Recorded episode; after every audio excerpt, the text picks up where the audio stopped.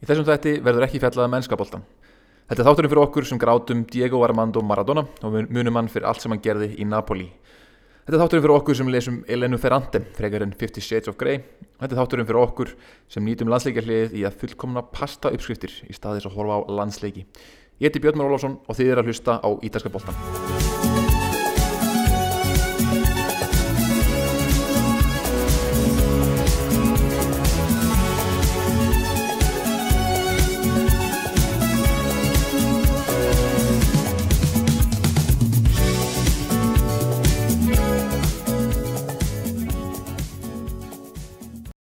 Já, verið sæl, velkomin aftur í þennan sjötta þátt af ítalska boltanum sem er núna snúin aftur eftir landsleikja hlið og það er Origo, upplýsingarteknir í sinn Origo sem er með mér í þessum þætti sem fyrr. Og um, þegar þessi þáttur er, kemur út þá er þetta svartur föstudagur í gangi. Eða öllu betra, það er svört vika hjá Origo. Þannig að þeir sem eru í sömustuðu ég reymbast í fjárvinnu eða taka klassiska COVID-kvissið eða saumaklúb eða jafnvel þurfið að halda heilugu jól gegnum Zoom þá er Origo með alla lausnir fyrir þetta allt saman. Farið inn á origo.is núna í svartri viku og ég þakka þeim kjallega fyrir að vera með mér í þessu.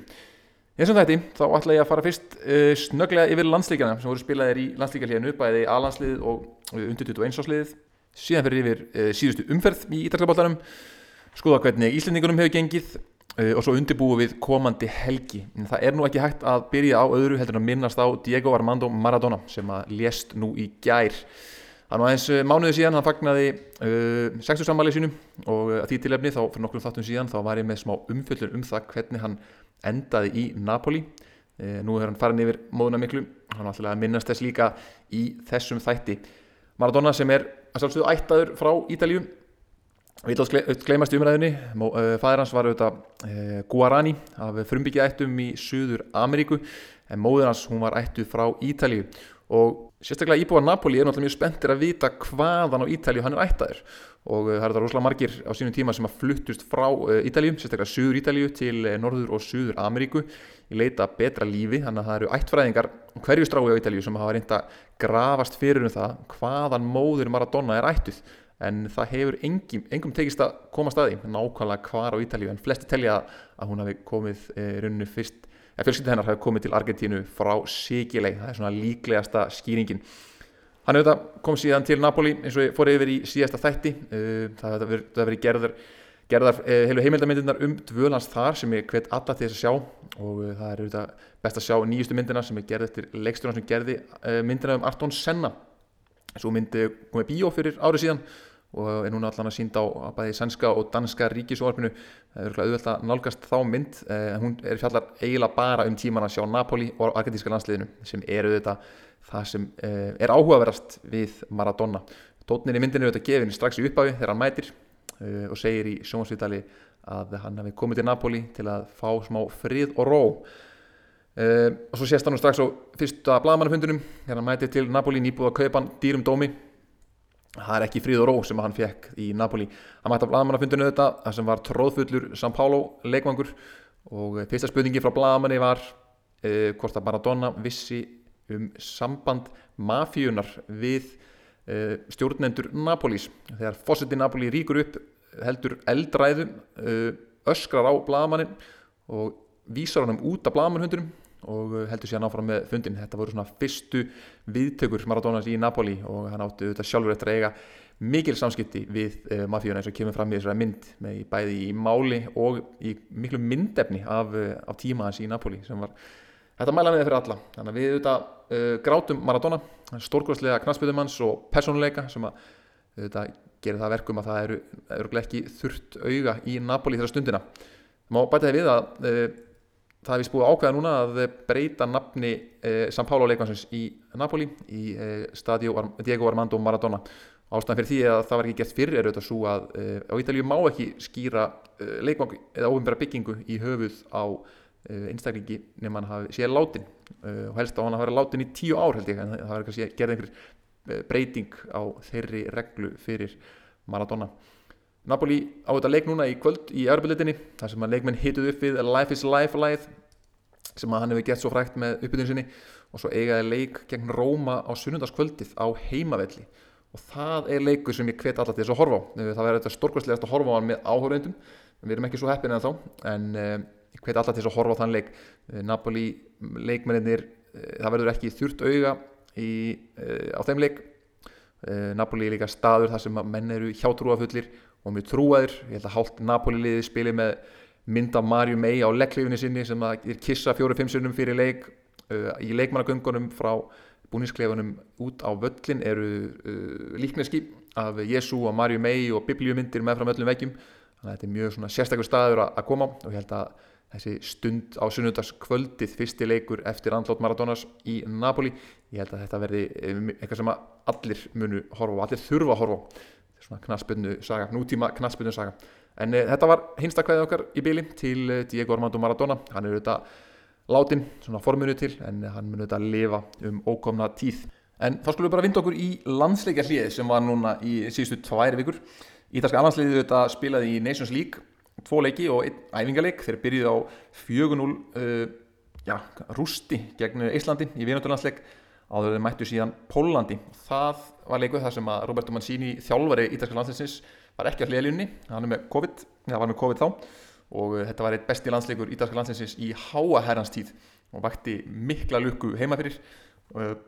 Þeir unnu sér satt 2-0 og uh, Pólverðinir áttu valla skot á mark þáttur að vera með já, þókvæmlega stert liðinn á meðal annars Robert Lewandowski sem að getur ekki hægt að skora í bæðin munn hérna þetta var stórkastlegu leikur hjá ítalska liðinu. Og svo gulltryggðu þeir sigurinn í Nations League riðleinum gegn uh, Bosníu. Með 2-0 sigri, örugum 2-0 sigri og unnu það með riðlinn á undan uh, hollendingum pólverjum og bosníumönnum. Þegar Bosníja uh, raglestina þessum riðli áttu alveg stórkostlega liðleitt mót uh, og þeir áttu svo liðleitt mót og svo liðlega leika móti Ítalju að uh, Miralem Pjanic leikmaða Barcelona og fyrir um leikmaða Juventus hann eiginlega bara hætti í landsleginu strax eftir leik. Hann sagði að það þurfti að hugsa sig hugsa sig um gang áður hann myndi aftur klæðast uh, landslýstræju Bosníu.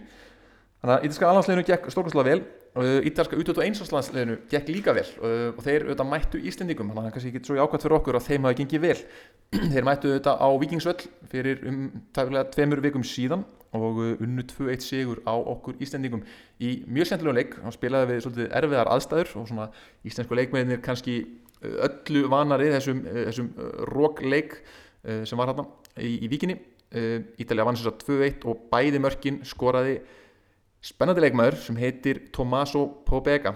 Og þeir sem hlustu á þennan þátt auðvitað viti nákvæmlega hver þetta er því að þetta er miðjumæður Spezia sem að e, fættur 99 þannig að hann er 20, e, 21 árs þessu ári. Að láni frá AC Milan hann er búin að skora tvö mörgur deildinni hinga til. Skoraði gegn Juventus og skoraði gegn Benevento. Og skoraði tvö gegn Íslandi þótt að setna marki sérstaklega var, var gríðalegur hefni stimpil yfir. En þetta er spennandi leikmaður og uh, spennandi leik að sjá hvort að hann uh, hvort að AC Milan kalli hann tilbaka á láni sagt, eftir uh, að þetta tímabilinu líkur mjög spennandi leikmaður þar á ferð. Aðri leikmenn sem að leiku þennan leik fyrir Ítalju voru þetta um, það var Nicolò Ro, Rovella miðjumæður Genoa sem er líka búin að byrja flesta leiki Genoa í serju A á þessu tímabili. Átti fína leik á miðinu, djúpur leikstjónandi og svo er það auðvitað Skamaka framherjinn með hálstatúið eh, yfir 1.90 á sokkaleistunum uh, mikil, mikil típa uh, og hefur spilað flesta leikina með Genoa, þykir efnilegur og það er mikil látið með hann í ítísku fjölmjölum hann hefur verið orðaðið við hvert stórlið á fætur öðru. Uh, ég á með að sjá það sjálfur. Mér finnst hann svona soldið ofmyndin við að segja eins og er út frá því sem ég hef séð. En stór, góður skrokkur, góður finnisir en svona í uppspili og reyfingum, þess að hann er svolítið hægur, stór og slánalegur hann hefur verið orðaðið við já, bæði AC Milan því hann líkist svolítið Slatan hann getur lært svolítið af Slatan ef hann færði þángað eða sem artæki Edin Dzeko hjá Róma nú eða bara til Juventus eh, síðasta liði sem hann hefur líka verið orðaðið við. Gianluca Scamaccia framherinn með hálstatúið það er aldrei ofmikið af hálstatúum í serju A. Eh, þeim hefur annars verið að fækka eftir að Nainggolan hætti að spila eða hjá Inter og Diego Perotti eh, með svona ljótasta hálstatúum að þeim öllum var seldur fyrir þetta tímabill til Tyrklands. En það er mætt annað hálstatu og vorum að þeim fjölgi á næstu árum já, þannig að þetta var 2-1 sigur Ítalju á Íslandi og síðan fóruð þeir og gerði okkur greiða með því að vinna Svíþjóð 4-1 uh, og það var ekki, margir margir sem byggust við því að þeir myndu vinna þennan leik. Um, bæði spiluðu þeir með lagarlið þar heldur en gegn Íslandingum um, þeir voru með ennfæri svona nabtógaða leikmenn. En það má líka nefna það að svíjar eru heldur ekkert með sérstaklega gott út á eins og slið lengur uh, liðið sem hóf undakefnuna fyrir Svíþjóð. Það eru 4, 5, 6 leikmenn þar kominur upp í A-landslið Svíþjóðar. Um, eða eitt reyndar sem er komin í A-landslið Bosníu. Uh, Ahmed Hodzic valdi Bosníu fram með Svíþjóð. Þannig að Ítalið vann 4-1 auðvöldan sigur á Svíum og komu þannig Íslandingum á EM á næsta ári. Hann við þökkum þeim auðvitað kærlega fyrir það en þá skulum við bara fara yfir eh, leiki síðustu viku og um, svo helgi hófst á leik Crotone á Lazio. Og uh, ég held ég að við aldrei verið með jafnmarga skrítna punta um leik áður. Uh, leikunum hófst fram í Crotone á Suður Ítalju og uh, þanga ferðaðist Lazio liðið með flúvel sem væri nú ekki frásugufærandi ef ekki væri fyrir að starra en að Claudio Lotito fórsetið Lazio, hann er nýbúin að kaupa þessa flugvel í staði þess að borga flugmiða fyrir liðið á um, hver einustu viku þá ákveðan að taka sér satt flugvel uh, á leiku eða kaupana.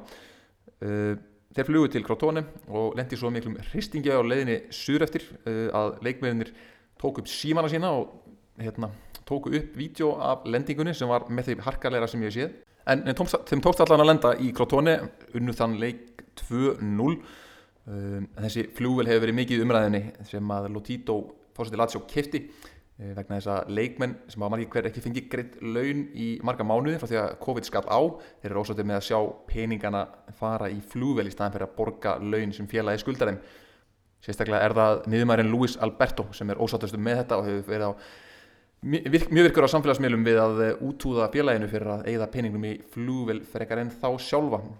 En þetta flugvila atvik er þetta rifjar upp gamalt skemmtilegt Lazio atvik sem gerist í flugvel þegar eh, kantmæri Nani spilaði með Lazio fyrir þömmur ára síðan og hann byrjist myndband á honum á netinu þar sem hann lendi slagsmál við stuðningsmann eftir að Lazio leikmennir hluta fljúa með flugvel fljúa með uh, stuðningsmönnum í flugvel á leiðið heim eftir tablik og Nani lendi slagsmál við stuðningsmann í vélinni. Þannig að það er kannski eina ástæðan fyrir því að Lotito hefur ákveðið að kaupa eigin flugvel svo að Eh, leikmenn þurfi ekki að sitja í sömu flugvel og stunismennir en þátt verið þetta, þessi vandræði eh, innanvallar þá heldur Lazio áfram að seglast til sigus og eh, Giro Immobile skoraði fyrirmarkið gegn Crotone og Joaquín Correa argentíski landsinsmaðurinn setnamarkið og síðan í mistarveldinni núna í vikunni þá unnuðir góðan sigur 3-1 á Zenit St. Petersburg.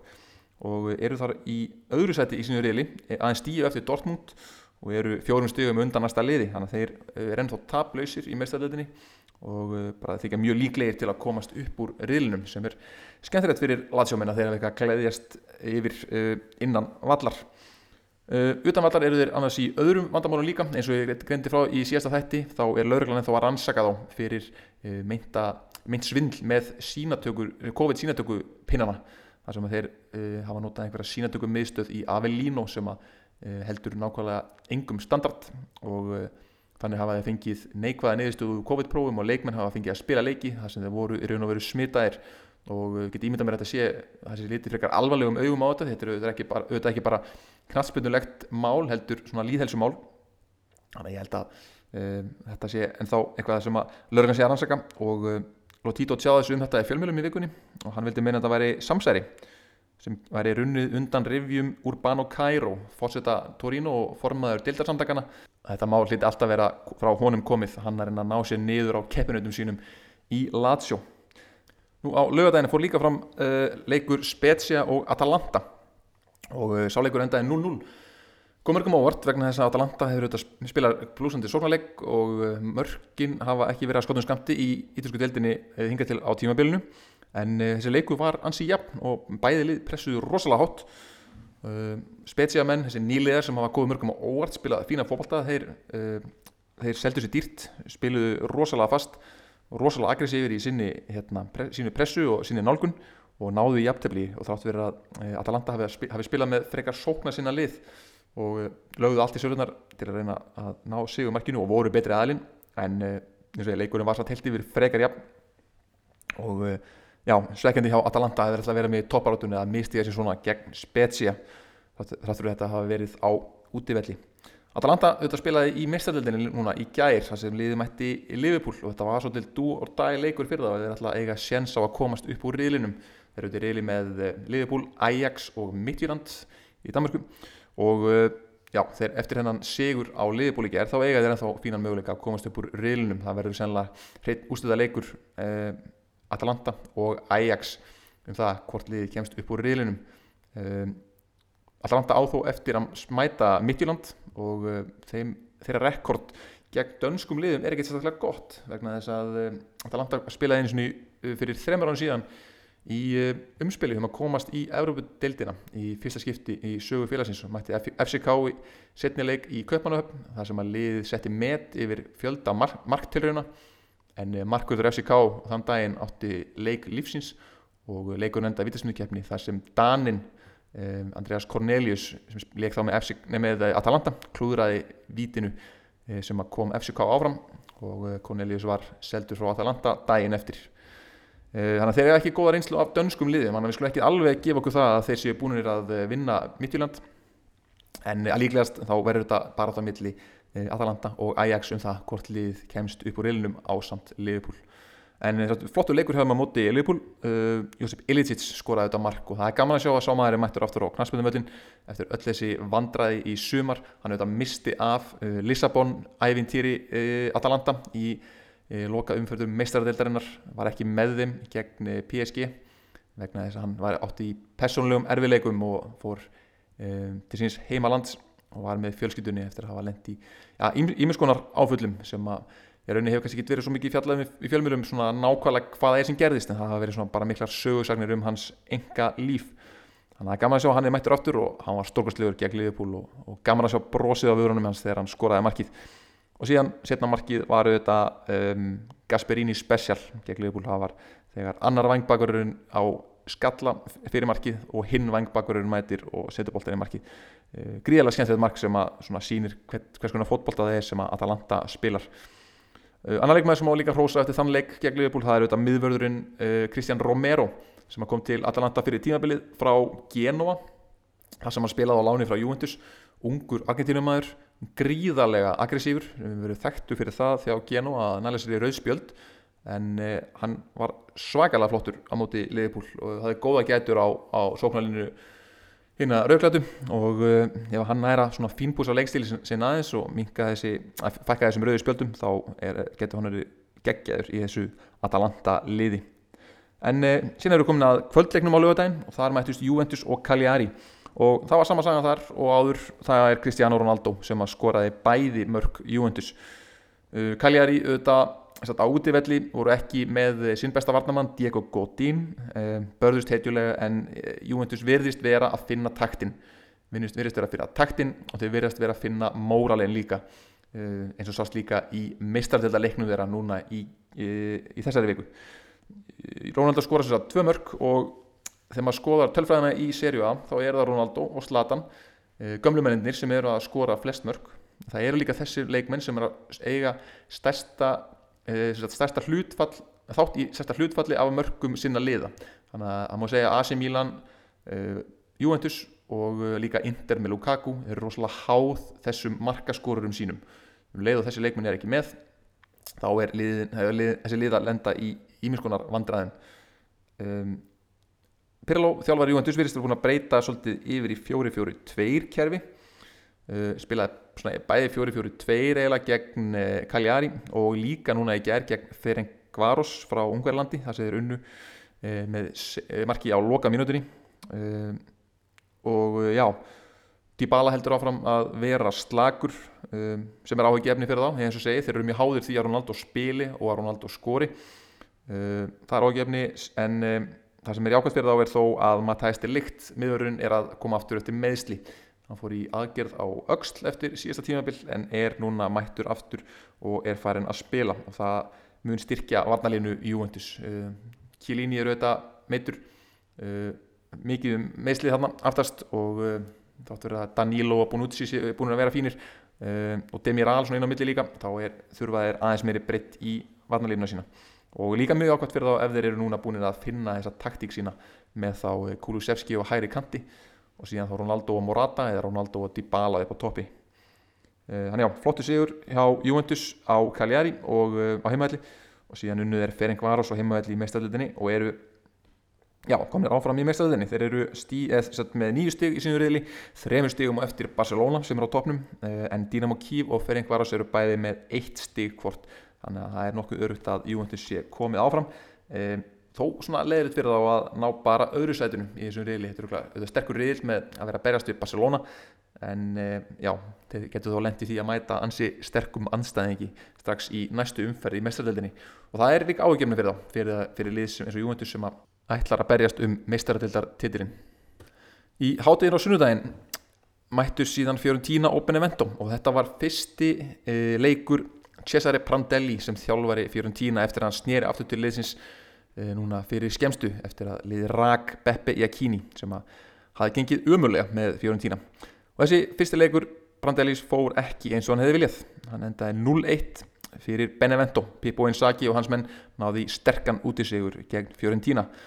Uh, Fiorentina stundum sem er eins og ég sagði í síðasta þætti þeir eru auðvitað dyrka og dá Cesare Prandelli en þeir gera sér líka fyllilega grein fyrir því að uh, það að fá þjálfara aftur sem að gekk, náði einu sinna árangri það kann ekki oft góðri lukku að stýra. Uh, þetta veit Cesare Prandelli sjálfur að það er svona comebacks er ekkit alltaf í ákveð.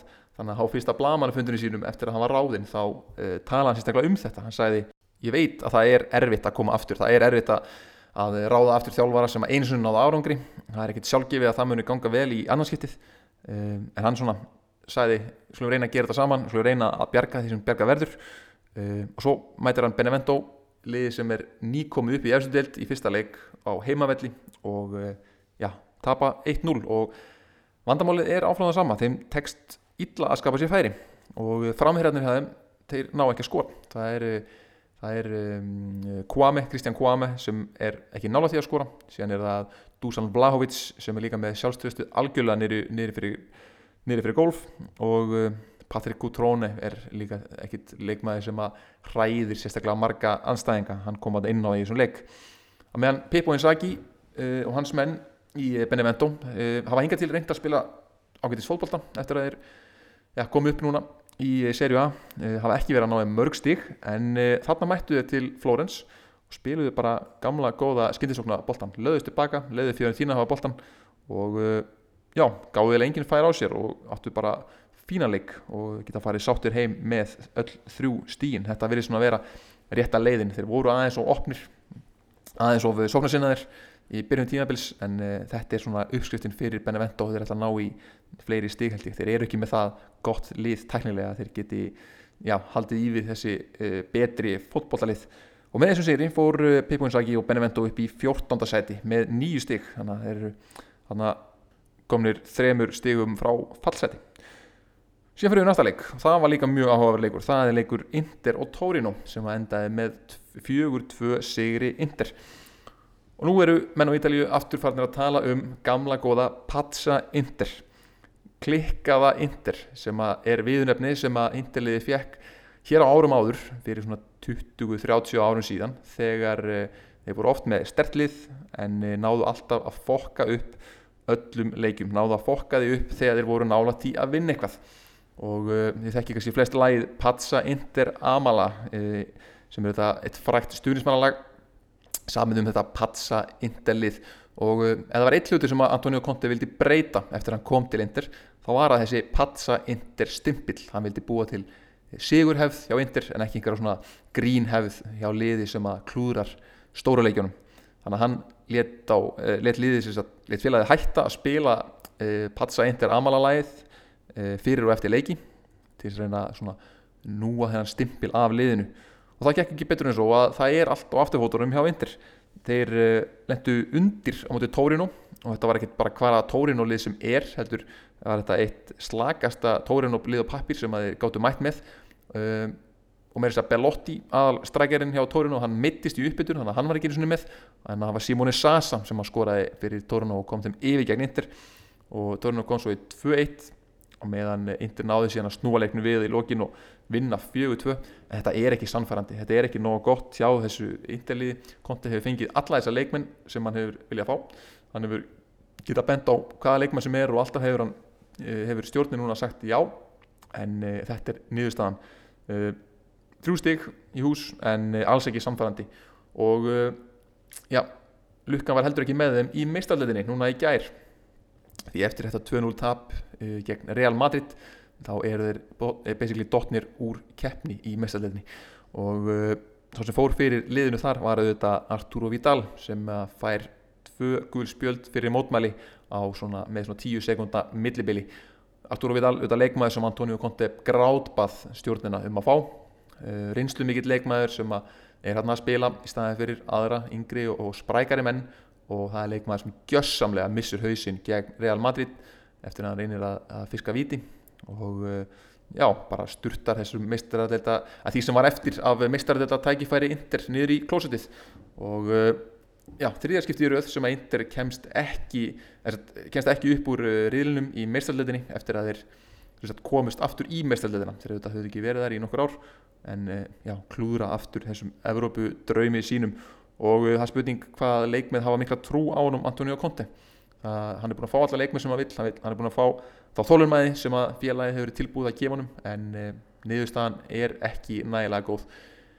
Eða þá e, þeir sem vilja sjá glasi hálfullt getur þetta lítið, til þess að e, Juventus undir stjórn Conte þeir eru náðu heldur ekki góðum árangri í Evrópu. Þegar hann vann dildin alltaf með Juventus frá 2000 frá 2011 til 13 þannig að kannski eh, er þetta bara góður fyrirbóð um það sem koma skal hjá Inder að þeir geta bara einbeitt sér að e, deildinni og meðan hinliðin er að, að keppa á fleiri e, stórum vikstöðum e, en já, Inder sér satt unnu Torun og 42 og duttu svo út úr meistarleitinni þá eru við komin að kannski besta leik helgarinnar sem var leikur Verona og Sassuolo. Þetta eru þetta tvö lið sem að fótballta perrar, svona taktískir perrar hafa hort á með með bungu í buksunum því að eh, já, þetta var tvö svona mismöndi leikkerfi sem mættist þarna. Það var Ivan Juric með hans e, 3-5-2 leikkerfi pressa hátt upp um allan völl og spila svo frekar direkt fókbalta e, á meðan hinnum minna mellunum var þetta vel drillaða 4-3-3 free flowing Sassuolo-lið. E, hans De Cerbis Francesco De Cerbis og þetta er leikur sem maður var virkilega þreyttur á að horfa á hann því að uh, það var svo hátt tempo allan leikin uh, öll undir lokin var mikið um mistök því að leikmenn voru ótnið svo ríkala þreyttir en þeir sem kláruð þennan leik voru stjörnuleikmenn uh, Sassuolos. Það var Jeremy Boga þessi fyrir kantmaður Chelsea sem hefur verið frábær hjá Sassuolo síðustu tvö ár og hefur orðaði við stóru liðin. En fór ekki í sumar eins og maður ekki byggust við. Hann skoraði fyrirmarkið áður en Domenico Berardi sem að tekur enn eitt tímabilið í Emilia Romagna héræðinu í eh, Sassuolo. Uh, hann skoraði setnamarkið með frábæru skoti. Eins og ég þetta var uh, flottu leikur. Ég held að Verona hafa átt þrjú skoti slá eða stöng þannig að þeir áttu svo sem sín færi líka. Og þessi, fyrir taktiska perra fótbollt áhuga menn þá er þetta leikurinn sem, að, uh, sem við vissum að er því gríðala skemmtilegur annar leikmaður sem verður líka hósa í liði Sassuolos það er, ég hefur hósað hann á, hér áður líka það er Filip Djuricic fyrirbliðsfélagi Alf, Alfreds hjá Herifin hann var gríðarlega flottur hjá Sassolo og einhvern veginn allt í öllu þeir, og mjög erfiðu leikur að spila og með þessa á móti þessu verónaliði sem að spila svona maður á mann eh, með hápressu allan leikin setna á sunnundeginum fór síðan fram leikur út í Nese og Genoa og sáleiku var ekki eins mikið fyrir augað uh, hvort lið hefur svo sem ég verið að geima einhverjum sérstaklega áhugaverðum stórstjórnum uh, nema kannski eini leikmaður sem skoraði leiknum Rodrigo de Paul, leikmaður út í Nesem sem skoraði 1-0 segumark liðsins uh, landslýsmaður hjá Argentínu uh, byrjar þar inn á með Messi mæti síðan aftur heim til uh, Útine til Útinese og spilar þar með talsvett lagari mönnum. Og hann var munurinn á liðunum í þessum leik. Gianluca Scamacca sem ég talaði með hann með hálfstatúið hann held hann væri búin að jafna leikinu upp á þetta tíma en markið var dæmt af fyrir eh, já, rángstöð hár, hárfín rángstæða og eh, eftir það, í uppáða tímarum þá komst uh, leikmaður uh, út í nesem einnig gegn og uh, Mattia Perín tók fuck this shit rauðarspjaldið og straujaðan bara gríðalega gróð tekling og fekk beint rauðspjald fyrir það. Hann að genu að menn verða án já, fyrirliðans og eitt besta leikmannsins Mattia Perín Markmanns í næsta leik sem var ekki það sem að liði þurfti því að genu er núna djúft í fallbáratunni og ekki mikið sem lítur út fyrir að geta bjarga þeim. Þá bara skortir aðfinnanlega eh, gæði í þetta lið. Og sunnundaginn mættu síðan líka Róma og Parma og uh, já, að Róma mætti allavega í þessum leik en ég vil meina að Parma-liði hafa bara ekkert mætti leiks því að andlusari fyrirháleik hef ég ekki séð hann einu liði. Þegar Parma átti gorki skot tilraun, ég skot á mark og hérna Róma skoraði þrjú í fyrirháleik og létt þarf við sitja og leikurinn endaði 3-0 fyrir Róma. Uh, besti leikmaður Róma í þessu leik klálega Henrik Mkhitaryan. Armennin knái sem búin að vera geggjaður á þessu tímabili. Hann skoraði tvö í þessu leik og já, var ekki langt frá því að innsekla þrennuna. Gessanlega frábær og að samanskapi í Parma þá var ekkert sem virkaði og ég held að þólun maður stjórn, stjórnar félagsins fyrir Fabio Liverani þjálfara sé ekki mikil og ég held sér líklegt að hann verður að fara á næstu dögum. Ekki það að að held að sé ómikið við hann að sagast heldur það einfallega bara skorti gæði í þetta lið. Það eru bara fáir leikmenn í þessu liði sem að uh, halda serju A klassa uh, Gervinjó sástu alla í leiknum gegn Róma. Uh, hann á svo svona fína leikin á milli en þar fyrir utan og fyrir utan kannski ágætis markmann þá eru þetta bara ekki leikmenn hann í miðjunni og sókninni sem að er að fara að gera nokkuð skapaðan hlut. Þannig að ég held að já, parmamenn þurfa annarkvæmt bara að detta neyri skotgræðunar og reyna að sækja ljót í aftefli kannski fram í janúar og reyna þá að styrkja liðið eitthvað því að þessi leikmenn sem er átta núna bara virðast ekki geta spilað neitt svona áhugaverðan sóknarleik þannig að þetta var já, ekki, þetta lítur ekki vel út fyrir Parma stuðnismenn og ég veit að þeir eru nú nokkur á Íslandi, við skulum vona að þeir fá eitthvað meira glæðjast yfir á, hérna, á komandi mánuðum. Sunnundaginn fór líka fram leikur eh, Sampdoria og Bologna leikur það sem að Já, uh, Sampdoria fór með 2-1 sigur á hólmi í jöfnum leik, þetta var spennandi leikur, uh, tvö svipuð lið, kannski þegar kemur að gæðum, uh, Sampdoria þetta byrjaði tímanbilið vel, svo dalaði leikurinn aðeins en þeir eru svona að reyna að komast aftur inn í þetta og þeir unnu sterkan 2-1 sigur, svekkjandi fyrir Bologna að hafa ekki náða, náða að jafna þetta undir lokin, en já, erfið vika fyrir síðan Bologna menn sem að duttu síðan út úr byggarnum síðan í, já, í fyrradag. Og uh, í kórum þessari leikja kom Andrið Fannar Baldursson við sögu. Við vonum að fyrst að það gekk ekki að vinna þessa leiki án hans þá vonum við að hann fái núna hérna, að kíkja inn í þetta Bologna-lið á næstu vikum. Þeim veitir ekki af einhverju fesku blóði inn í þetta. Nú aða leikurinn helgina var auðvitað leikur Napoli og AC Milan síðasta sunnudagskvöld og uh, já, það var nú kannski flestir sem byggast því að Napoli myndi kannski eiga þennan leiksóldið uh, en svo var ekki því að Zlatan Ibrahimovic átti þennan leik með húð og hár. Hann skoraði fyrsta marki eftir 20 mínútur. Marki kom ekkert eftir einhverja sérstakar sókn bara fyrirgjöfu langt utan að velli og hann rýsu upp í skallabólta rétt fyrir innan vítategin af svona 15 metrum skallar hann bóltan í fjárhóttið stórkostlegum skalla, hann ger svona rústar Khalidou Koulibaly í skallaðin sem er nú ekki engin smá smíði sjálfur Eh, hana, og þetta var það sem koma skal því að eh, Zlatan setti síðan annamarkið eh, fljóðlega eftir að setni hálfleikurinn hófst og ég veit að Dries Mertens hafi mingamunin skömmu síðar þá var AC Milan talsvert betri aðeins í þessum leik fannst mér. Og þegar síðan Timajú Bakayoko miðjumæður Napoli fekk alveg ævintýralega heimskulegt setna gularspjald þar sem hann þrjumaði niður leikmann í skindisókn þegar hann var sjálfur á gularspjaldi þá var þetta einhvern veginn spurning og mjög þroskaður sigur hjá AC Milan sem að bætti síðan við þriðja markinu í uppáttatíma, djúft í uppáttatíma þegar normæðurinn Jens Petter Hauge skoraði fyrsta marki sitt í serju A aðeins nokkrum mínútum eftir að hann varð norskur meistari. Eftir að bútu glimt í gamla leiðinans í Noregi varð Noregs meistari. Hann geti orðið tvöfaldur meistar á næsta ári ef AC Milan heldur áfram eins og þeir hafa verið að spila og verða ítalski meistarar næsta ári. Þá Eh, þá verður erfitt að toppa þetta tímabil fyrir Jens Petter Hauge. En eins og sé, Zlatan Ibrahimovic var póturinn á pannan í þessu leik. Það sem er áhugjefni fyrir AC Milan menn er að hann fór út af hann virtist gjáðsannlega að hafa kveldtóknað aftan í læri um, eftir einhverja eh, fyrirgefa tilraun uh, sem er áhugjefni eins og hann þá er hann og Ronaldo þegar leikmenn sem eru mikilvægastir í sínum liðum þeir koma að flestu mörgum og án þeirra þá geta það verið í vandræðum.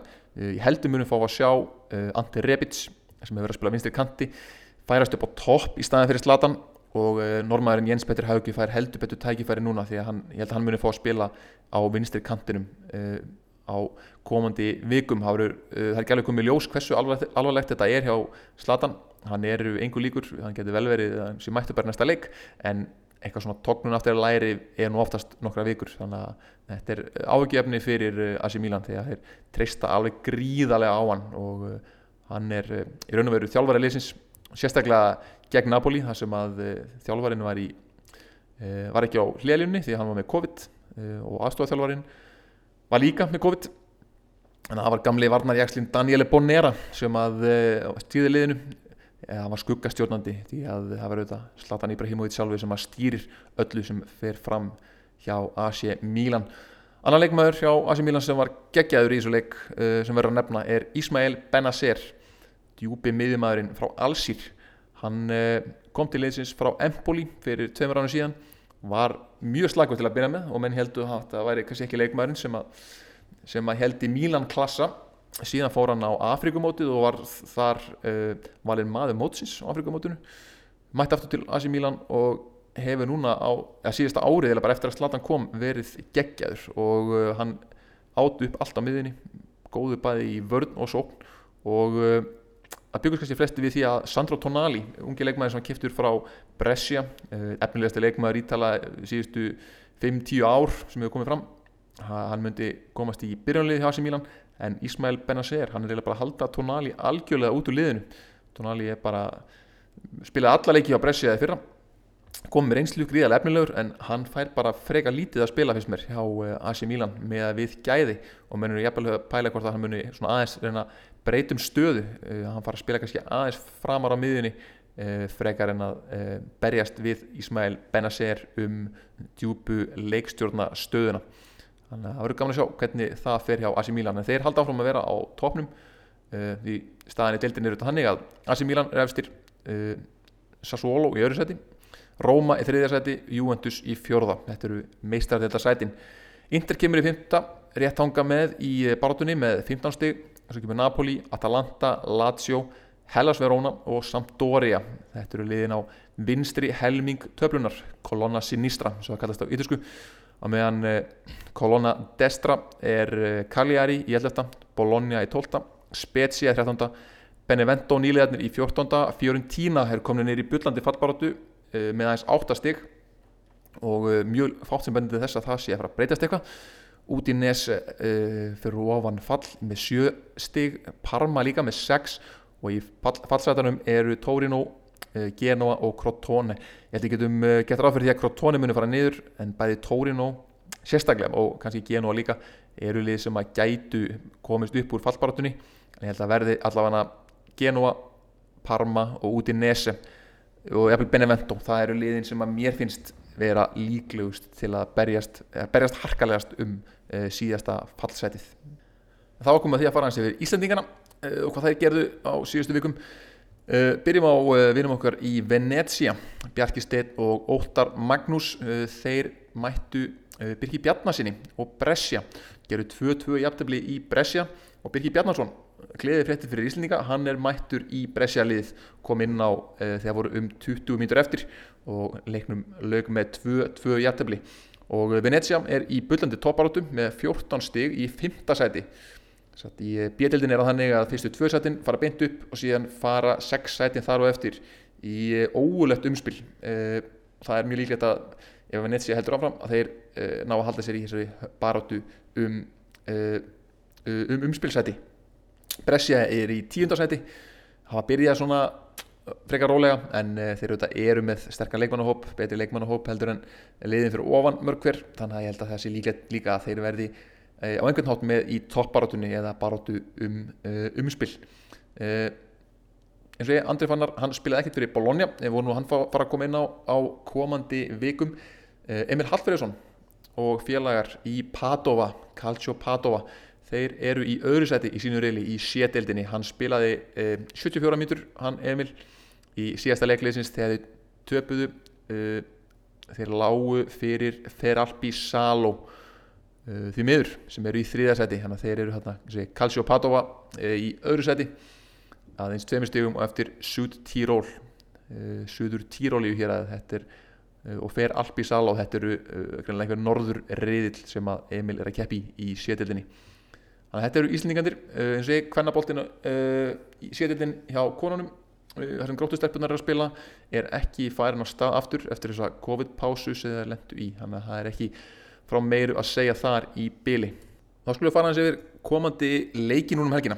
Það er auðvitað heil umferð sem fer fram um helgina. Ég er auðvitað búin að nefna aðaleikin það þarf ekki að nefna hann eins og Napoli-Róma sunnundaskvöldið þeir eru öll að fara að horfa á hann sjá það er hvernig leikminn alltaf takast á við þetta fráfall Diego Armando Maradona og hvort þetta verði jafnvel uh, fyrsti leikurinn á uh, Stadio Diego Armando Maradona.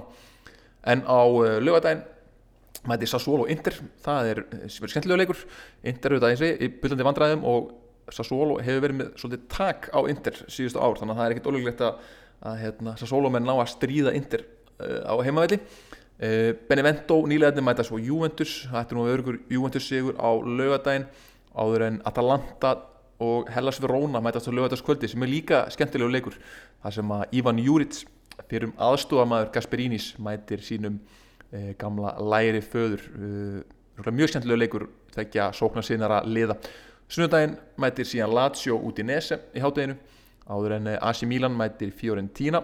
Það hefði líka verið góðu leikur fyrir 20 árum síðan en held að sé nú nokkuð uh, kannski örugur leikur fyrir AC Milan í dag uh, þátt fyrir að kannski Zlatan sé ekki með. Uh, Bologna mætir Crotone þar sem við volumst til að fá að sjá andra hann að spila. Cagliari mætir Spezia og eins og segi Napoli, Roma, sun, sunnundaskvöldið ekki gleyma því.